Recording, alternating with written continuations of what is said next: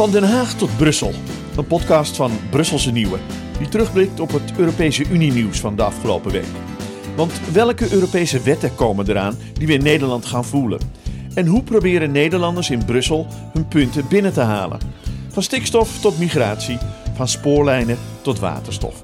Jasper Roorda kijkt door een Nederlandse bril naar de laatste Brusselse ontwikkelingen.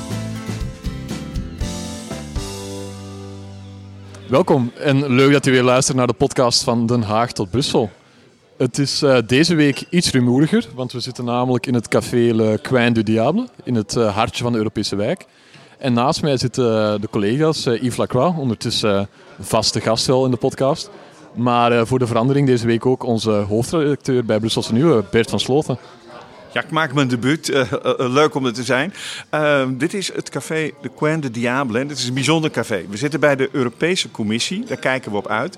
Maar hierachter, daar heb je de Nederlandse ambassade. En de Nederlandse ambassade heeft allemaal ambtenaren in dienst. En het leuke is, die komen nou, vanaf uur of vijf, half zes, komen die hier allemaal binnen. En ze hebben altijd maar één ding wat ze graag willen doen. Dat is bitterballen eten.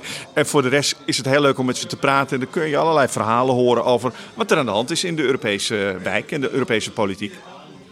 Oké, ja, dus uh, wie weet kunnen we de Nederlandse EU-ambassadeur nog wel bij zijn kraag grijpen, zoiets.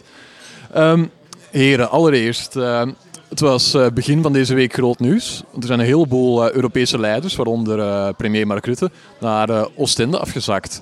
Met maar één doel eigenlijk, en dat is om het te hebben over windenergie.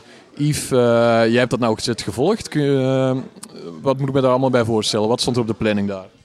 Ja, het is. Um, um, dus een aantal landen, negen landen, die hebben eigenlijk samen besloten, of in eerste instantie nog geen negen, maar een aantal landen hebben samen besloten om samen windenergie te gaan maken. En iedereen draagt daar zijn steentje bij. Hè. Um, uh, België is bijvoorbeeld van plan om een, uh, een, windpark op zee, in de Noordzee, te gaan bouwen.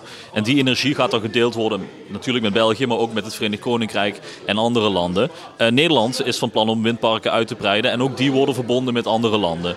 Um, dus het is een samenwerking van een heleboel landen, negen landen in totaal, die dus um, samen een heleboel groene energie willen gaan opwekken om dus hun eigen huishoudens op te warmen en van energie te voorzien. Ja, dus als ik het goed begrijp, moet daar zeg maar één soort grote elektriciteitscentrale gaan komen in de Noordzee.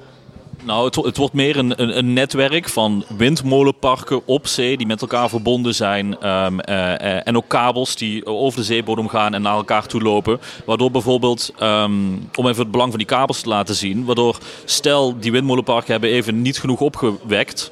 Dan kan ook een kerncentrale uit Engeland energie leveren voor huishoudens in Nederland. Ja, je, je haalt het al aan. De, de Britten zijn dus ook van de partij, wat natuurlijk wel enigszins opvallend is. Want dat uh, Nederland, België, Frankrijk, daar zitten, dat verwacht je wel. Maar de Britten zijn dus uh, ook weer helemaal terug op het uh, toneel. Ja, ze zijn terug op het toneel en het is uh, ook maar goed ook. Want uh, wat Ivan zei is, we kunnen dan energie gebruiken van, uh, van de Britten. Maar het is gewoon veel te weinig op dit moment. Ik bedoel, het is heel positief voorgesteld, deze hele top. Maar het is eigenlijk een, een, een soort schreeuw om iets te gaan doen. Want die windparken, daar hebben ze grote mogelijk, de grootst mogelijke moeite mee. Ze zitten elkaar dwars. Hè? Bijvoorbeeld Frankrijk en België maken ruzie over een windpark voor de kust bij, bij Duinkerken. Dat willen de Belgen weer niet, want die zijn bang dat dat het verstoort. Er zijn problemen met van, uh, ja, hoe hoog bouw je eigenlijk die windmolens? De kabels kunnen niet aangeleverd worden. Kortom, er moeten echt nu afspraken worden gemaakt om te zorgen dat Europa op termijn voldoende energie heeft. En uh, zoals het er nu naar uitziet, redden ze dat allemaal niet. En die energie hebben ze nodig, onder andere om die groene waterstof te gaan, uh, gaan maken. Dus we kunnen deze Noordzee-deal wel echt onze grote doorbraak zien dan?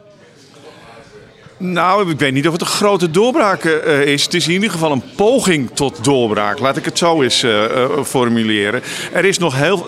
je zegt dan altijd: er moet nog heel wat water door de Noordzee stromen of door de Rijn. Maar dat zal in ieder geval ook het geval zijn. Want de industrie is helemaal niet tevreden. Daar zitten ook nog heel veel problemen. Het is een aanzet om tot iets te komen. Maar ja, Europa is Europa. En Europa zegt dan dat het een groot succes is. Maar dat is het nog niet.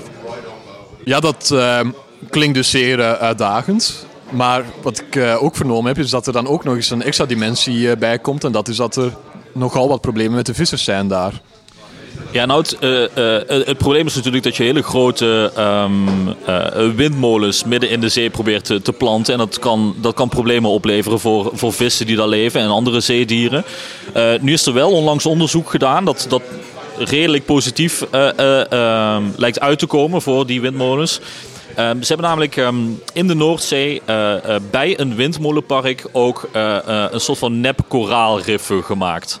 dat doen ze door dingen te laten zinken. Dat kunnen betonblokken zijn of, of wat dan ook. Um, en er is onderzoek gedaan naar wat voor effect heeft dat nou op de biodiversiteit. En hieruit, in ieder geval uit dat onderzoek is gebleken dat um, kabeljauw, hè, de vis kabeljauw, dat die het eigenlijk best goed doen. Die blijven heel erg veel rondhangen in die regio waar die, die nep koraalriffen uh, liggen. Die gebruiken dat als, uh, ja, als hun woonplek. Uh, daartegenover hebben er wel weer tot sommige andere dieren die ze daar losgelaten hebben. Dat die dan snel weer er vandoor gingen. Dus die konden zich niet zo echt vinden. Die konden niet echt settelen in die plek. Maar voor sommige vissen pakt het dus best positief uit, zo'n uh, zo'n windmolenpark. misschien iets helemaal anders. In Brussel begint het weer volop te bruisen over de Europese verkiezingen die eraan zitten te komen volgend jaar in 2024. Want daar is heel wat over te doen, toch? Ja, we kijken hier uit op uh, die Europese Commissie. Daar op de dertiende verdieping, daar, daar woont ze. Ursula van der Leyen, de voorzitter van de Europese Commissie. De grote vraag is op dit moment, gaat zij door of gaat zij niet door?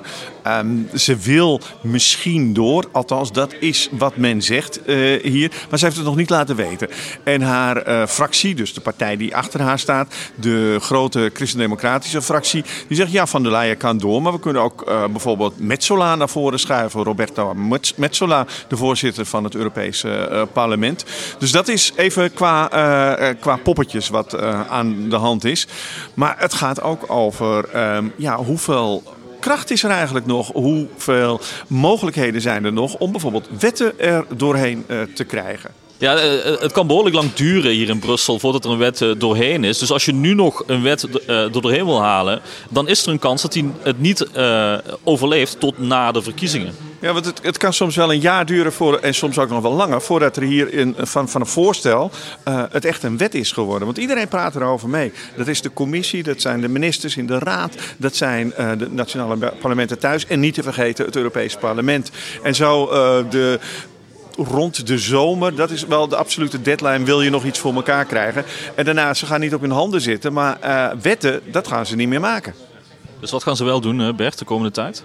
Nou, dus wat ze wel gaan doen is afronden, afhechten, zal ik maar zeggen. Want er zijn nog een hele hoop wetten die in uh, procedure zitten. En voor de rest, uh, ja, uh, dingen zoals over die Noordzee proberen afspraken te maken. Het gas gaan ze aankopen met z'n allen. Dus ze gaan wel een heleboel dingen doen, maar geen wetten meer. Dat is het belangrijkste. Ja, daarbovenop nog iets ehm, anders in het verlengde ervan dat uh, gemoederen hier bezighoudt? Is dat die Europese verkiezingen dus ook nog eens verschoven zouden zijn? Ja, nou verschoven. Het, het, ze, ze, moeten de datum prikken. En die datum dat is best ingewikkeld. 27 landen. Uh, en er moet geen hemelvaart zijn. Er moet geen uh, nationale feestdag moet het zijn. nou, wat Nederland betreft mag het ook niet op een zondag. De, de, de, de, de laatste berichten zijn dat het ergens begin juni 2024 wordt gehouden. Maar de datum, de exacte datum is nog steeds niet geprikt. En weten we al uh, wanneer dat ze dat uh, echt definitief gaan vastleggen? Ja, de komende weken is de bedoeling toch uh, echt wel. Want de voorbereidingen zijn, zijn al wel begonnen. er worden al mensen, poppetjes worden er al genoemd. Er worden al namen genoemd. Maar daar weet Yves alles van, van alle namen en poppetjes die genoemd worden, toch Yves? Nou ja, een aantal. We weten dat uh, Roberta Metsola uh, uh, wordt over gepraat. Ursula van der Leyen zei je ook al natuurlijk. in Nederland weten we dat Peter van Dalen van de ChristenUnie niet door kan. Omdat er maximaal drie termijnen zijn volgens de interne regels. En die, heeft die zijn verstreken voor hem. Bert-Jan Ruijsen van de SGP, daar weten we van dat hij lijsttrekker gaat worden. Uh, er zijn een paar vraagtekens. Gaat Esther de Lange door van het CDA? Die zit ook al behoorlijk lang hier. Gaat Sophie in het veld door? Uh, er zijn mensen die denken dat ze uh, al de hele leven in het Europees Parlement zit. Gaat Bas Eickhout van GroenLinks, van de Groenen, gaat hij door? Agnes Jongerius stopt waarschijnlijk. Heeft ze nog niet laten weten. Maar de kans is groot dat hij ermee stopt. Kortom, er zijn nog wel wat vraagtekens. en de kans is groot dat er een hele nieuwe ploeg volgend jaar hier gaat aantreden. Ja, dan is er natuurlijk nog een, uh, een ander heel belangrijk Nederlands poppetje, Frans Timmermans. Ja, wat gaat Frans Timmermans doen? Eh, eh, eh, ik heb mensen horen zeggen dat hij niet meer zoveel ambitie lijkt te hebben. Dus of Frans Timmermans doorgaat, ik, ik weet het niet zeker. Ja, maar dan moet je uh, verklaar ambitie zou ik bijna zeggen. Want ambitie hier is misschien wat afgenomen. Maar er zit een enorme ambitie en drang in Frans Timmermans om lijsttrekker te worden van de nieuwe partij PvdA GroenLinks in de, bij de Nederlandse verkiezingen. Maar ja, wanneer de Nederlandse verkiezingen zijn, we weten al niet eens wanneer de Europese zijn, maar van die Nederlandse weten we het ook niet. Uh, dus ja, het, het, kan te vroeg komen, maar uh, Timmermans uh, denkt daar wel aan. Uh, maar Jasper, nu, nu, willen we jou even wat vragen stellen. de commissie heeft een voorstel gepresenteerd over hervormingen van de begroting. Hoe zit dat nou precies? Ja, er zijn, in de Europese Unie zijn er natuurlijk heel strenge regels over, over de begrotingen. Want een beetje het nadeel als je munt deelt is dat als er één uh, lidstaat in, in financieel slecht weer terechtkomt en die hebben dezelfde munt, kunnen die de rest mee ondertrekken. Dus dan is het natuurlijk wel de bedoeling dat iedereen mooi zijn begroting op orde houdt. En daarom zijn daar strenge regels over. Nu uh, is het probleem een beetje daarbij dat die regels in het verleden iets te streng waren. Want ja, natuurlijk, de, de Zuid-Europese landen, de, de Grieken, de Italianen na de eurocrisis, die hebben heel hard moeten bezuinigen. En dat heeft hun ook heel erg veel pijn gedaan. Waar dan uh, je in het noorden vooral zag dat Nederland en Duitsland heel streng in de wedstrijd stonden. En nu is het besef toch wel een beetje doorgedrongen dat, dat zeker na die coronacrisis, na die energiecrisis, hebben heel veel lidstaten nog meer geld moeten uitgeven en de staatsschulden nog verder opgelopen. Dus ja, als, als we nog willen gaan investeren in die groene toekomst, dan lijkt dat heel moeilijk te worden met die huidige strenge begrotingsregels. Want even voor de duidelijkheid, we hebben het over begrotingsregels van lidstaten, niet zozeer van de EU zelf. Ja, dus de regels die, die, die stellen hoeveel uh, het gat in begroting mag zijn. Dus het verschil tussen hun inkomsten en uitgaven. Dus dat gaat uh, over dingen als hoeveel geef je aan zorg uit, uh, aan, aan, pensioenen, dat, dat soort zaken. En, en, en, wat is nu nieuw dan aan die nieuwe, dat nieuwe voorstel van de Europese Commissie? Ja, wat ze nu dus willen doen is dat ze met elke lidstaat individueel gaan kijken om een soort op maat gemaakt schuldentraject uh, vast te leggen. Dat die lidstaat dan binnen de vier jaar uh, moet gaan volbrengen. En eerder was het idee dat er gewoon één grote, harde, botte bezuinigingsregel was die voor iedereen van toepassing was. Dus Duitsland hoeft niet meer uh, dezelfde regels te volgen als Griekenland of andersom? Ja, het zou dus sowieso voor Duitsland niet nodig zijn, want zij hebben een begroting op orde. Maar alle lidstaten waar dus de staatsschuld te hoog is, die uh, mogen dan in gesprek gaan met de commissie om een op maat gemaakt traject vast te leggen. Ja, Jasper, was het dat voor deze week of heb je nog, nog meer? Nee, ja, ik denk het wel. Nee, geen uitsmijters meer. Dus daarmee komen we ook weer ineens aan het einde van deze achtste ondertussen aflevering al van de podcast vandaag tot Brussel. Dus graag zie ik u volgende week weer terug.